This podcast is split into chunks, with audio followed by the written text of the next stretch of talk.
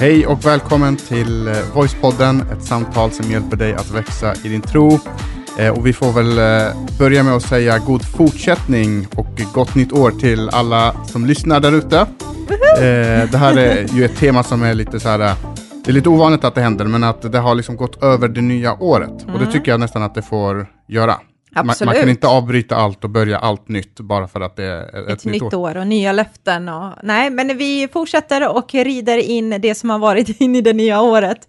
Eh, men en god fortsättning, som, precis som Hemen sa också, eh, så ville jag också få det sagt. Mm.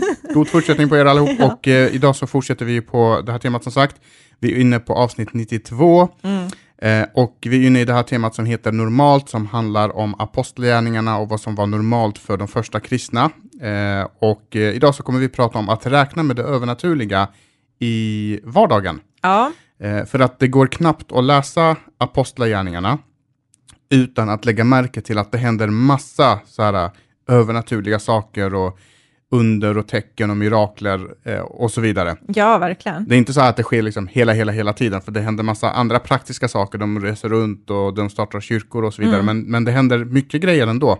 Ja, Och, och så ska man också komma ihåg att det här är ju liksom kondenserat, det är liksom ihoptryckt, så det kanske inte händer fem grejer per dag, men eh, det händer mycket i alla fall. ja, Och kontentan av det är helt enkelt att man kan räkna med det övernaturliga, och det är en del liksom i det kristna livet. mm, Eh, och jag tror att det här är viktigt därför att ibland som människor så försöker vi, bara för att vi inte förstår allt, så försöker vi på något sätt att ehm, rationalisera bort det typ. Exakt, Eller? Precis. Mm. Gör det rationellt, liksom försöka bortförklara för nej, men därför det händer inte nu på grund av det här och så vidare. Och, och vi kommer prata om varför mirakler fortfarande händer eh, och det övernaturliga fortfarande händer varför du och jag kan räkna med eh, Mm. det övernaturliga.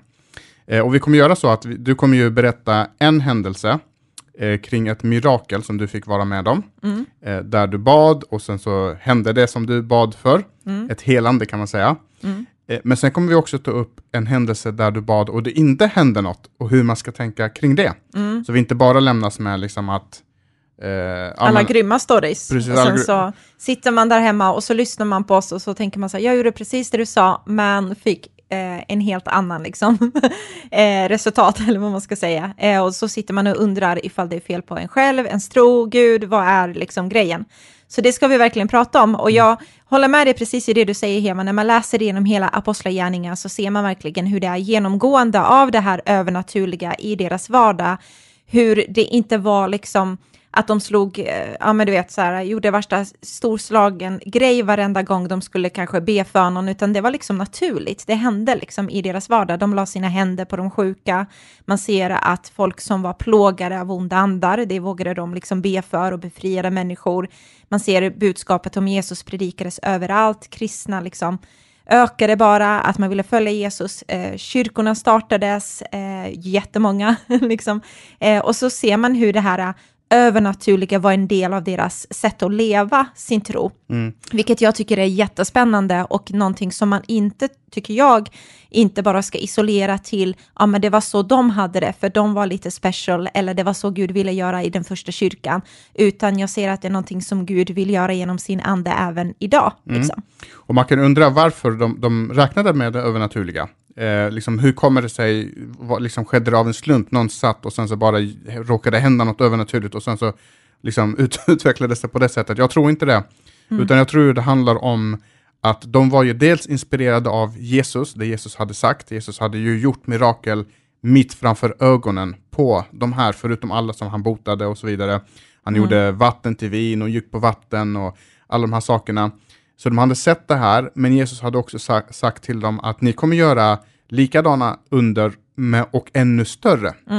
Eh, så de var inspirerade av det och inte nog med det. Hela liksom, det kristna budskapet är ett enda stort ingripande av Gud när Guds son hänger på korset eh, och sen så blir han eh, begraven och sen så uppstår han på tredje dagen.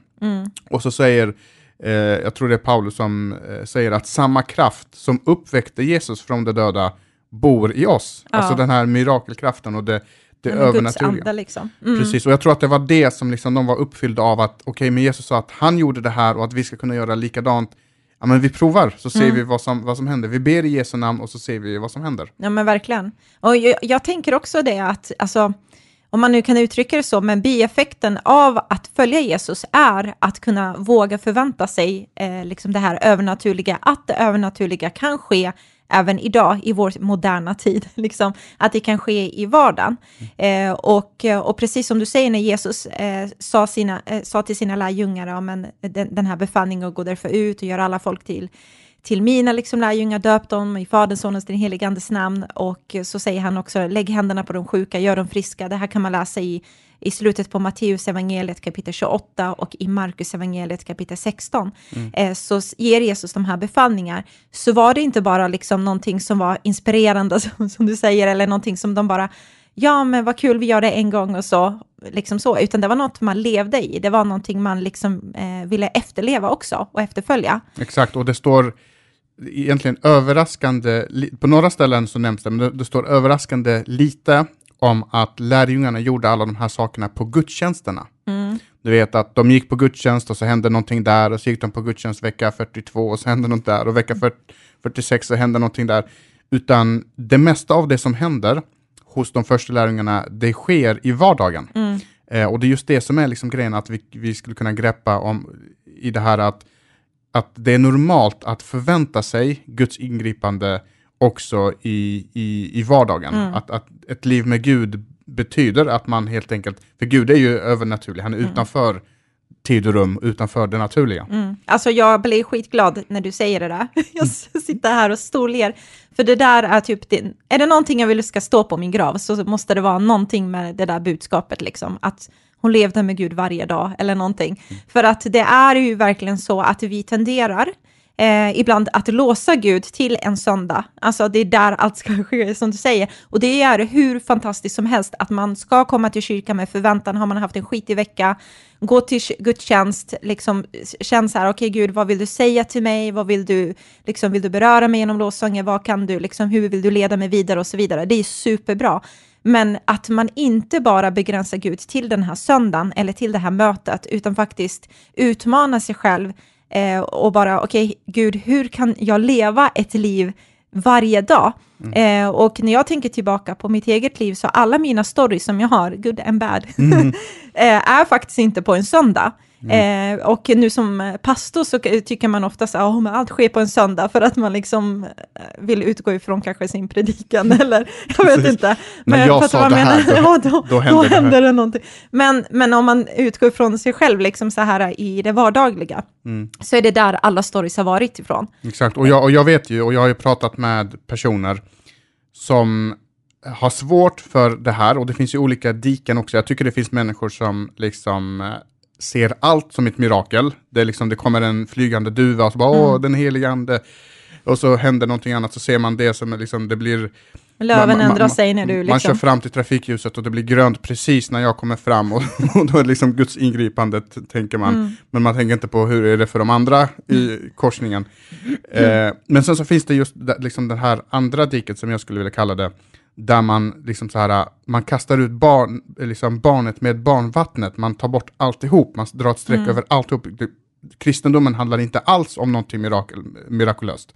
Det handlar bara om kärlek, det handlar bara om att vända andra kinden till och vara en god människa och, och så. Och då tycker jag att man förlorar en stor, stor, stor, stor del av vad det innebär att vara kristen. Mm, absolut, och det, går, det hör ihop med det här avsnitt som vi hade förut, eh, liksom med eh, den helige ande. Att de var fyllda av Guds ande och de var ledda av Guds ande, det är en del av det här normala. Liksom. Att man inte utesluter det, utan att man faktiskt också räknar med det. Eh, och jag tycker det är en superbra grej. Liksom. Eh, och vi, vi har ju varit med eh, ett tag nu som kristna. Jag blev troende när jag var 18, du blev troende när du var 15. Eh, är vi 20 kan, år. Vi kan, jag tänkte vi kan hoppa över hur gamla vi är. jag bara, jag bara, Precis, folk kan räkna ut hur gammal man är. Okej, jag är 37, du är 35. Eh, fyller 38 det här året. Två, vem du? Jag. Jaha, jag tror du menar mig. Du fick hjärtklappning nästan såg ja, jag på. jag bara, vad hände? Ja, nej, men, nej, men och, så, så att man har, man har fått se eh, mycket, många grejer. Vi har varit utomlands eh, och eh, liksom varit med på olika kampanjer, varit i så här fatt, fattigare länder, fått se saker där, men även saker i Sverige. Men genom hela den här perioden så har man både varit med om när man har bett och det har skett, Mm. men också när man har bett och det inte har skett. Mm. Eh, och vi det, det kan gå åt alla möjliga riktningar här och ta- ta liksom alla möjliga stories. Men jag tänkte att du skulle få välja ut en berättelse först Mm kring någon gång där du räknade med det övernaturliga eh, och, så, och så blev det. Liksom. Ja, nej men eh, absolut. Eh, nej men jag kommer ihåg en story när jag, eh, alltså, om du har lyssnat länge på podden så vet du att jag liksom eh, som person allt eller inget. Och så att det finns ju inga gråzoner. Jag jobbar på det år 2022, jag hittade gråa. Nej, jag bara skojar. Eh, I alla fall, så eh, kom ihåg när jag liksom, för, för mig var det verkligen så, om, jag, om Gud säger det här, då är det så. Liksom. Så jag var väldigt liksom, på det sättet i början i min resa. Och då satt jag i köket hemma hos en kompis eh, och vi liksom bara snackade och fikade och sådär. Och sen så började hon berätta om hur hon hade ont i sin högra höft, tror jag att det var. Och på grund av att hon hade tränat och det var någon dansskada där, så hon hade ont i höften och i benet, så hon kunde liksom inte belasta det, det högra benet. Och där så kommer jag ihåg att när hon berättade det där så var det så här, okej, men jag har två val. I mitt huvud så snurrade det runt. Liksom, jag har två val, antingen bara, åh, vad jobbigt, ta en Ipren eller något. Och det är inget fel med det, liksom så. Det kan man också göra. Det kan man också göra, men för mig var det så här, eller alternativ nummer två, att jag var lite modig och vågar utöva det som jag är övertygad på insidan att Gud har sagt att han vill och kan eh, göra liksom. Så helt odramatiskt så frågar jag henne så här, men du, alltså du vet ju att jag tror på Gud, eh, kan inte jag bara be för dig? Hon bara, vad, ja det kan du göra. Jag bara, ja men alltså kan jag göra det nu? Hon bara, vadå nu? Jag bara, ja varför inte liksom? Hon bara, ja, om du tror att det kan hjälpa så, why not liksom? Så hon har ju inget att förlora på det. Eh, så att jag la min hand på henne och så bad jag för henne. Enkelt, inga så här, åh, du vet så här, och skulle skapa någon stämning. Superenkelt och och bara bad Gud i Jesu namn, bara låt den här smärtan försvinna nu i Jesu namn. Amen. Eh, och så kommer jag ihåg hennes ansiktsuttryck efteråt. Jag bara, okej, nu måste jag fråga hur gick det? För jag kan inte bara fortsätta fika, man måste ju veta liksom, Mm. De funkar här det eller inte? var goda. ja, precis. Eh, Vad har du köpt dem? och så kommer jag ihåg att hon såg helt så här tagen ut och bara, vad, vad har hänt? Jag bara, men nu måste du testa liksom. Hon bara, okej, så börjar hon gå och hon bara, alltså jag känner ingenting och bara, pip, pip, pip, det är borta. Vad är det du har gjort? Jag bara, jag har inte gjort någonting. Hon bara, jo, du har gjort något. Jag bara, alltså det är inte jag, det är Gud som har gjort det. det Gud har helat det, liksom, han har gjort något. Så hon var ju helt så här, va? Det här trodde jag aldrig. Hon gick hem hela vägen och var helt liksom så här, helt tagen av vad Gud gjorde liksom. Och jag bara kom hem och bara, yeah, det funkar. var jätteglad, verkligen. Och, Eh, och egentligen för en själv i alla fall, den som lyssnar kan förstå att man kan antingen så här, men jag tror på det här eller ska man vara skeptisk, men för dig som var där och såg det och var med om det, Mm. då är det liksom det ultimata beviset för att ja, men det här stämmer. Ja, men det är Eh. självklart, för jag kan inte göra någonting. Alltså det, jag kan ju tänka hur positivt Hon var inte vill. kristen, ska Nej, hon var ju inte det. Så det var ju det som var det galna, typ, att hon bara, vad är det som händer? Vad har du gjort? Liksom, Och det var andra där som såg det här och Ja. hörde hennes liksom, eh, berättelse. Och, och det var lite grann det som hände också i apostlagärningarna, att det övernaturliga följde med dem egentligen var de än var. Mm. Och när, när de fick vara med om något övernaturligt så spillde det över på andra som från början kanske inte trodde eller som stod lite utanför. De började bli liksom deras bästa Mm. förespråkare och, de, och, och, och, och så försökte människor tysta ner det här. Mm. Typ tysta ner de som bevittnade det här, de som var med om det här, men också självaste lärjungarna. Att det här får ni liksom inte berätta om. Ja, men precis. Och det kan man ju läsa om i Apostlagärningarna kapitel 5. Där så ser man en, en händelse av precis det du beskriver nu, Heman. Från till och med vers 12 så står det så här, eller om man tar från vers 4, Apostlagärningarna kapitel 5. precis, och vers 12 ska vi läsa. Då står det så här, genom apostlarna skedde många tecken och under bland folket. Och bara en liten parentes, så var det så här, eh, kapitlet innan, i kapitel 4, eh, så händer en förföljelse Eh, för de kristna. Liksom. Eh, de blir förföljda, de blir splittrade överallt och sen så kommer de samman och ber. Och så, så ber de den här bönen, när de känner förföljelse, när de känner svårigheter, så ser man hur deras respons i det är. Och så ber de den här bönen, Herre, se nu på deras hot och ge dina tjänare all frimodighet, så att de kan förkunna ditt ord, medan du fortsätter att sträcka ut din hand för att bota de sjuka, låta tecken under ske genom din heliga tjänare i Jesu namn. Så när vi nu hoppar till Så det här står i verserna innan. Precis. Eh, och det är det som är så intressant och som man kan lära sig av det här att mitt i deras liksom, förföljelse, i deras förtvivlan, en del fick lämna hus och hem, eh, så var inte deras respons kom nu Gud och trösta, liksom bara, Mm. vilket Gud också gör. Utan det här, nu var det det här, hjälp nu oss att kunna sprida ditt ord ännu mer. Ja, Kom, sträck ut din hand och liksom gör mirakler, gör under, gör allt det som, som, som vi vet att du kan göra. ja men verkligen. Och så läser man, hoppar man in då i kapitel 5 där och läser, så ser man hur det är ett bönesvar på det som de precis bad om. När vi läser, genom apostlarna skedde många tecken och under bland folket. Vers 12 ja. vers 12. Eh, och vi fortsätter att läsa. De troende möttes regelbundet i Salomos spelarhall. Ingen annan vågade förena sig med dem. Eh, alltså det här är, om man nu ska förstå sammanhanget, så var man rädd för saddukeerna som hade liksom förföljt varenda person i princip som hade följt de, de kristna. Men folket visade dem stor respekt och allt fler började tro på Herren Jesus, både män och kvinnor. Man bar också ut sjuka på gatorna och la dem på bäddar och bårar för att åtminstone eh, Petrus skugga skulle falla på dem när han gick förbi. Även från orterna runt omkring Jerusalem kom det många. Eh, man tog med sig sjuka och sådana som plågades av orena andar och alla blev botade. Så här så ser man det här övernaturliga i deras vardag. Man bad för de sjuka, till och med liksom när Petrus går förbi och, eh, och liksom Gud använder det på något övernaturligt sätt och folk blir helade. Så det blir ju helt sådär positivt i den här staden och det sprider sig såklart, för det här är ju liksom ett Guds ingripande, det tillhör inte det vardagliga, eller det, det vanliga menar jag. Eh, och sen i vers 17 så står det så här, översta prästerna och hans anhängare som var saduker blev mycket avundsjuka. Alltså man ville liksom, man kände starka känslor av hat och, och var verkligen motiverade av att stoppa, stoppa dem och de lät arrestera apostlarna och sätta dem i fängelse. Men på natten kom en ängel från Herren och öppnade fängelseportarna och förde ut dem och sa, gå och ställ er i templet och berätta för allt folket om detta nya liv. De lydde och tidigt på morgonen gick de till templet och började undervisa. Och när översteprästen och hans närmsta män kom kallade de samman det judiska rådet, alla beslutsfattarna i Israel och de skickade bud till fängelset för att hämta apostlarna. Men när tjänarna kom till fängelset kunde de inte hitta dem där. Så männen återvände då och rapporterade fängelseportarna var låsta och vakterna stod utanför, men när vi öppnade fanns det ingen där. Och så kan man fortsätta läsa vad som händer efter det. Här så ser man, först i, i, i början av det här kapitlet så ser man det övernaturliga av, av de här miraklerna, att folk liksom blir helade, upprättade. Och så ser man en annan liksom övernaturlig incident i vardagen där de är nu låsta i fängelset och så kommer en ängel på ett övernaturligt sätt och öppnar upp de här fängelseportarna. Eh, och det här är något som är ganska återkommande liksom i apostlagärningarna, hur Gud är med dem i, i svåra situationer och räddar dem på ett övernaturligt sätt. Okej, så det är inte bara, liksom, det är inte bara helanden som sker, utan eh, även saker liksom, som påverkar deras liv. Eh, för är de sitter de i fängelse, ja, då kan de inte utföra den uppgiften som, som de ska göra, det vill säga gå ut och eh, berätta om, om Jesus. Eh, och så får de vara med om det här miraklet, att fängelsedörrarna öppnas upp och, eh, och, och, och det här liksom händer gång på gång på gång och man skickar dit folk eh, för att släppa ut dem, men de är inte där och så. Ja. Det här händer liksom... ehm, Precis.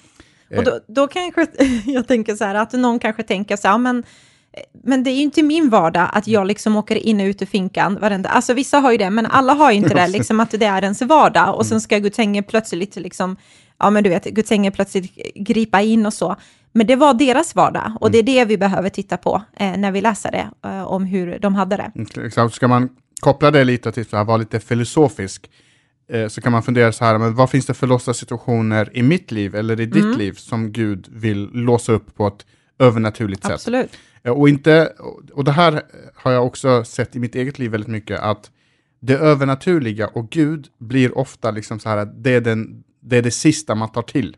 När ingenting annat hjälper, när alla liksom val och alternativ och valmöjligheter är borta, så, så kommer det här. Eh, men tänk, tänk om man skulle bjuda in Gud lite tidigare. Liksom, men Gud, var med nu i den här situationen. Nu känns det knepigt, det känns väldigt låst just nu. Eh, och så bjuda in Gud i det, mitt i vardagen.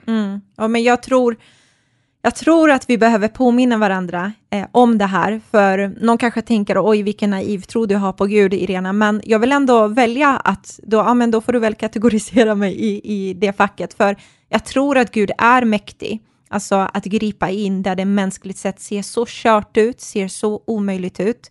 Eh, och det kan vi se från dag ett i Bibeln, hur Gud har gripit in i situationer i människans historia och bara gjort liksom det andra och tänkt så här, det där kommer aldrig gå, det är för mörkt, det är för kört. I, idag så kan vi vittna om hur Gud upprättar liksom relationer som man bara tänkte, det där är bara, det är bara att begrava det, det kommer aldrig hända något. Och så händer det någonting övernaturligt i att man bara får en ja, men förnyad kärlek till varandra eller någonting sådär. Så att Gud är mäktig mm. till att gripa in och det hoppas jag att man liksom vågar tro på. Men även, även jag, jag skulle kunna kalla mig, om du kallar dig för en person som har en enkel tro, så skulle jag vilja kalla mig som en person som har en ganska komplicerad tro. Eh, men även om man har en komplicerad tro och även om man är rationell och man vill, liksom, man, man vill inte lägga hjärnan hemma när man går till kyrkan, mm. så finns det ett, vad ska man säga, ett spår man kan följa för att ändå komma till slutsatsen att jo, men det är nog det mest förnuftiga att tro att mirakler kan ske. Mm. Eh, och, eh, och nu, jag kommer inte hinna ta det liksom i hela det här, det här, avsnittet, men steg ett är ju att bestämma sig för tror jag på Gud eller inte. Och jag skulle vilja hävda att det mest rationella är att tro att det finns en Gud, för någonting kan inte komma ur ingenting och Bibelns Gud beskriver perfekt de egenskaper som en skapargud eller skapar varelse eller vad det mm. nu kan, skapar kraft behöver ha för att skapa universum. Eh, skulle som sagt kunna gå in på det i ett, vid ett annat tillfälle, men ta, har man tagit det beslutet, då är ju det ett tillräckligt stort språng för att sen, och, och då blir liksom språnget att tro att mirakler kan ske inte lika stort längre. Mm. För tror jag att Gud, det finns en Gud som har skapat hela universum genom att bara prata, tala ut universum, alltså han bara sa, och så blev universum, då blir inte steget att tro att Jesus gick på vatten eller att han blev uppstånden lika stort. Ja, alltså, då, då, blir det liksom en bagatell att tro, förstår du vad jag menar? Ja, ja självklart. Alltså om man kommer inte fram till den slutsatsen att man tror på en gud, då hoppas jag att den guden är så pass stor att han kan göra det som jag mänskligt sett inte kan göra. Mm. Eh, och, och lite också så här, men varför tror jag på det övernaturliga? Jo, också för att jag Eh, dels för att det finns en andlig verklighet, bara för att jag inte ser det betyder inte att det inte existerar. Och eh, liksom, den är ju lika verklig som den världen vi lever i och det händer saker och ting där. Liksom. Mm. Eh, men än en gång, så precis som du säger där, att om Gud skapade med sitt ord och hela universum blev till, och han kan, så kan han också göra liksom, mirakler i olika situationer. Och om Gud har designat mig som jag tror, liksom, då kan han också fixa till det som är fel i designen. Mm. Eller liksom ja, så. precis. Uh, typ om, om, en, om vår Audi går sönder, då går ja. vi till de som har skapat Audin och så, kan de, så har de en reservdel så kan de fixa det. Mm. Och likadant skulle man kunna tänka med Gud att han, men han har skapat allt. Då har han en reservdel till mitt öra om den skulle gå sönder. Mm. Eh, och då är han, han är dessutom övernaturlig, han är utanför tid och rum. Då kan han ingripa på ett övernaturligt sätt i den världen som han har skapat.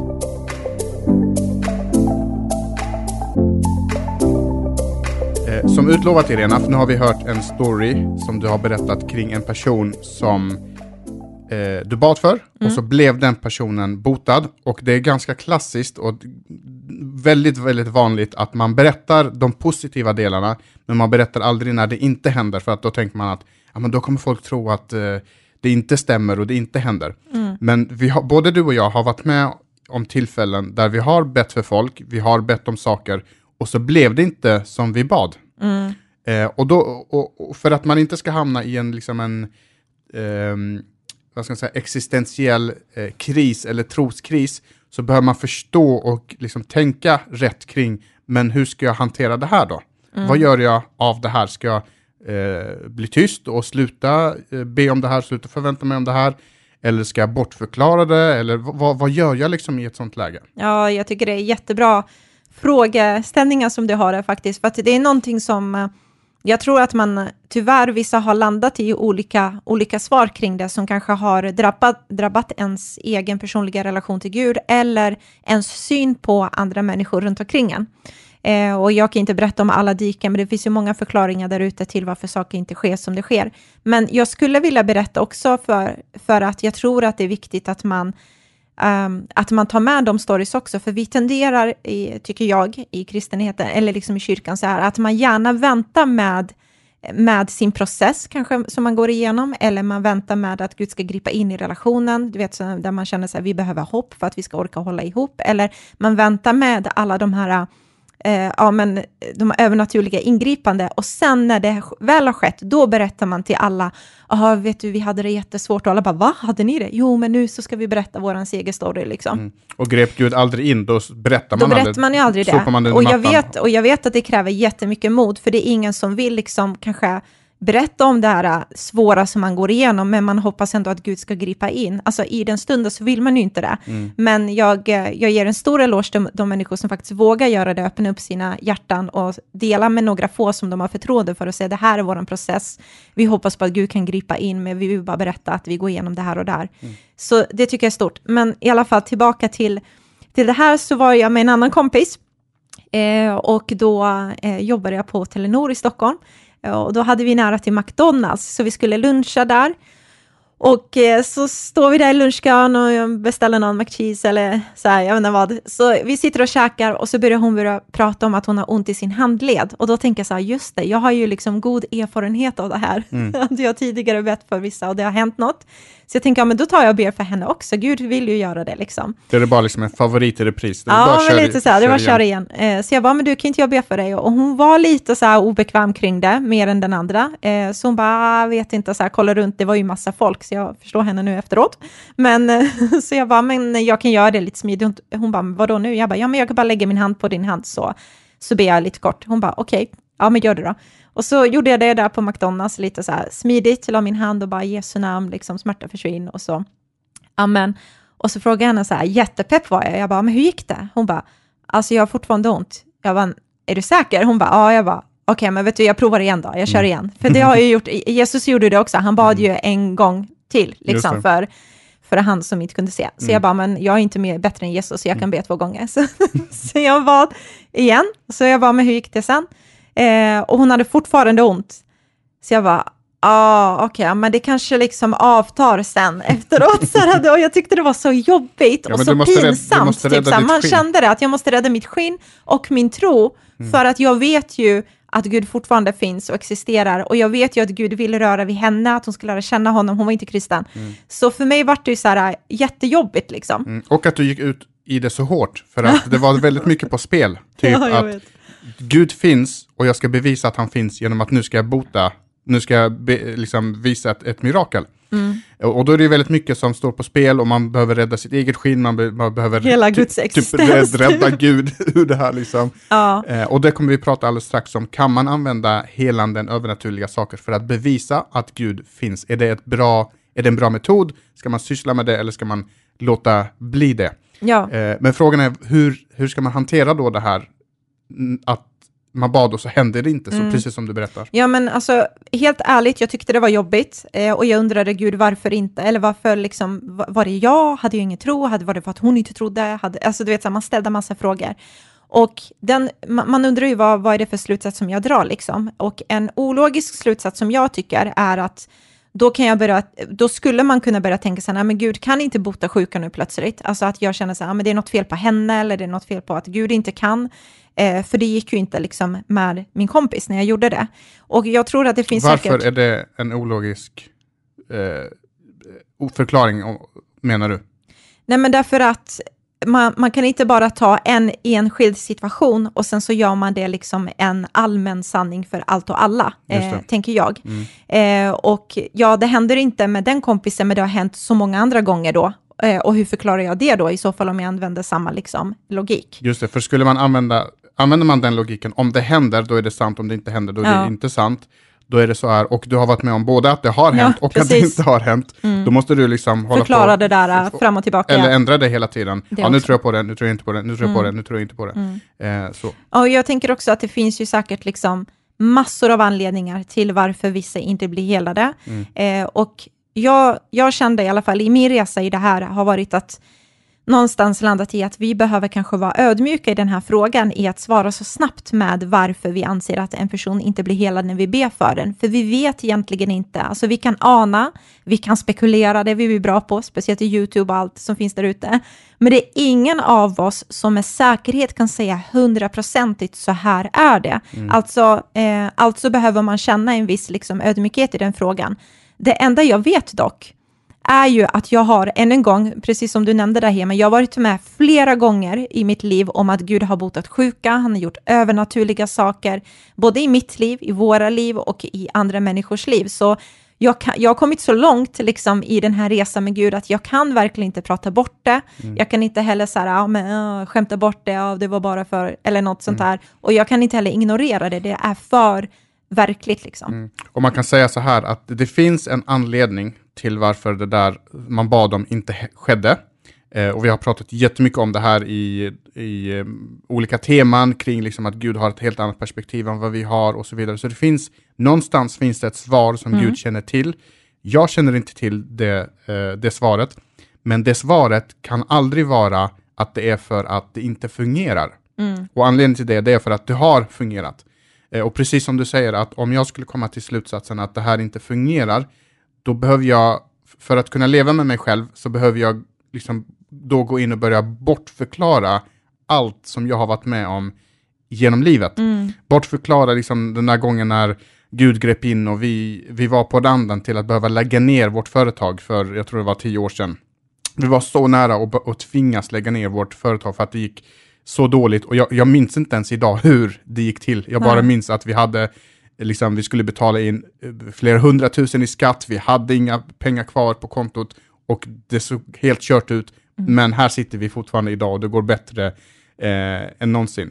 Eh, eller den här gången när vi inte hade ett öre, vi hade flyttat till en ny stad, Katrineholm. Eh, du hade inget jobb, jag hade Nej. inget jobb. Eh, halva månaden hade gått och vi hade inte ett öre på kontot. Och så knackade på en person och erbjuda två stycken. Ja, vi vet eh, inte vem det var. Det plingade på bara vid dörren och så stod det två fulla matkassar. Och jag kommer ihåg den här situationen för att vi bad verkligen och bara Oh, vi, hur ska vi göra det här och hur ska vi klara det här? Det var verkligen att eh, sparpengarna tog slut, för vi hade mm. kalkylerat att vi skulle ha lite sparpengar och sen eh, troligtvis kunna hitta ett jobb månaden efter. Och så plingar det på och så öppnar vi och så står det bara de här en gång eh, fulla matkassar. Jag bara bölade. Det var mm. verkligen den starkaste moment ever och än idag vet vi inte den, vem den människan var. Exakt, eller den här gången när vi, alltså bara så här vägledning genom hela pandemin, genom församlingsplanteringen. Mm. Det har funnits tillfällen där det har verkligen krävts övernaturlig visdom. Alltså vi har tagit beslut som vi tittar tillbaka och så har bara wow, mm. Och tack gode gud att vi tog det här beslutet. Tack gode gud att vi gjorde så här och så här med de här personerna därför att de hade i princip eh, ruinerat församlingen mm. eh, och, liksom, och, och, och det hade gått riktigt, riktigt illa. Så att det här med det övernaturliga, det, det kan ske på så många olika områden. Det har Absolut. inte bara med helanden att göra, även om vi har nämnt två grejer här. Mm. Men just alla de här sakerna, när man kombinerar dem, så blir det väldigt svårt för mig att så här, bara för att det inte hände en gång, så dra automatiskt den slutsatsen, ja, men då, har, då har det slutat funka. Mm. Ungefär som någon apparat som man har köpt och batteriet har dött ut, eller ja, men den eh, liksom, har nått end of life på något sätt. Mm. Eh. Ja, men, eh, ja, men visst är det så. Eh, och än en gång liksom, så kan man ju summera det hela utifrån vårt samtal, att nej, men man kanske inte förstår varenda unika situation in i detalj, varför saker blir som det blir.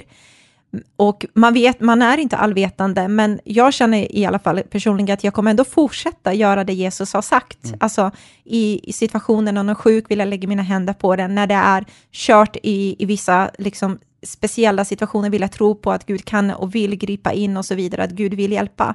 Och precis som det skrivs där i Jesaja eh, kapitel 53, cirka 700 år innan Jesus kommer, så liksom beskrivs det om den här frälsaren som skulle komma. Mm. Och då står det så här i Jesaja kapitel 53 och vers 4-6. Ändå var det våra sjukdomar han bar och våra smärtor tog han på sig, medan vi trodde att Gud straffade honom, slog honom och lät honom lida. Han blev sårad för våra överträdelsers skull, krossad för våra missgärningar. Straffet var lagt på honom för att vi skulle få frid. Genom hans sår blir vi helade. Vi gick alla vilse som får, var och en valde sin egen väg. Herren lät honom drabbas av all vår skuld. Mm. Och så när jag läser det här och tänker tillbaka till det här löftet om den här frälsaren som skulle komma, som vi vet idag är liksom en, en profetia, en förutsägelse om Jesus som beskriver det som hände på korset.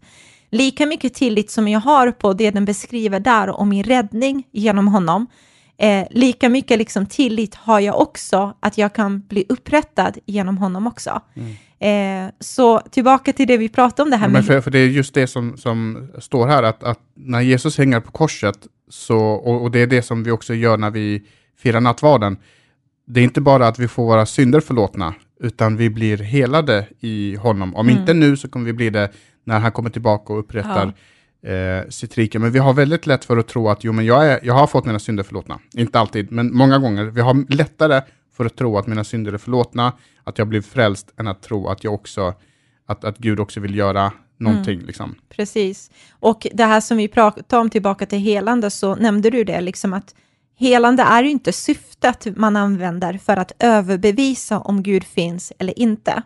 Eh, och tillbaka till min erfarenhet av min vän som då blev botad, eh, den här första storyn som gick bra. Eh, det sorgliga i det är att hon kopplar ju inte det liksom till en frälsare, till en gud, även om jag berättar om Jesus och alltihopa.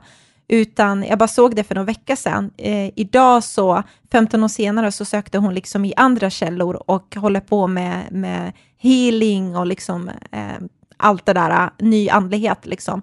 Så hon tror att det är det som är kanske resultatet av det, den upplevelse hon hade liksom. Mm. Och det finns exempel på det i, i Bibeln också. Simon trollkarlen, han, han väljer att tjäna pengar eh, på det andliga eh, och ha, han liksom hade, eh, kun, kunde bevisa folk att mm. han hade övernaturliga krafter, men det var inte Guds krafter som han använde i, eh, eh, i det här läget. Eh, och, och, och, det här tar vi upp egentligen för att jag vet att i vissa kretsar så är det en grej som är inne. Mm. Eh, som, och om, om du inte är tillräckligt radikal så att du gör som de här personerna, eller om du inte gör som de här personerna, då är du inte tillräckligt radikal, du är inte tillräckligt kristen. Att man liksom går ut och så ska man bevisa att Gud finns. Man ska bevisa att kristendomen är det rätta genom att bota sjuka. Eh, och man spelar in det här och oftast, eh, jag vet inte om du har sett sådana här videos på, på YouTube där man, typ sådana här trickshots, du vet det sitter någon eh, snubbe på ett, ett skrivbord mm. och så har han en papperstuss och så kastar han det baklänges och så träffar det i en liten, i en lit, litet glas. Mm. Helt osannolikt. Mm. Och då tänker man, wow, vilken, vilken, vilken grej liksom. Men grejen är att om, man, om, om den personen visade hur den fick till det här, det, det här klippet, då var det så att kameran var på och han testade säkert 20 gånger och den 20 gången då fick han träff. Och då valde han att klippa bort alla 20 gånger som han inte fick träff och så visade han gången där han fick träff. Mm. Och det är lite likadant med, med den här typen av liksom, videos där man försöker bevisa att Gud finns genom att hela, att man berättar aldrig om alla gånger det inte funkade. Nej. Om alla gånger eh, som folk gick därifrån och var besvikna eller av alla gånger som, som man kanske gav kristendomen dåligt anseende på grund av att Mm. Man lovade så mycket och så, och så hände det inte. Eh, så just, just därför så tycker jag just det att men vi ska räkna med det övernaturliga, men inte som ett sätt att skryta, ett sätt att slå oss för bröstet eller ett sätt att så här, utan bara mm. det här har Gud lovat och, och Gud kan göra det mm. i våra liv. Jag kommer ihåg tidigt eh, så var det en bibellärare som sa så här till oss när vi gick i bibelskola, att den enda anledningen till att vi, jag ska be för sjuk eh, är för att mitt hjärta brister när jag ser en sjuk person. Eh, och jag tycker att det är så sant eh, och någonting man behöver pausa kring efter att man har hört det där och reflektera lite så här, brister mitt hjärta för den här människan? Alltså känner jag med den att den, den liksom lider, den har det svårt, den försöker navigera sig fram i livet genom det här. Eh, alltså typ att man kommer fram med all ödmjukhet eh, och har förtroende för att kunna göra det och be för en människa. Liksom.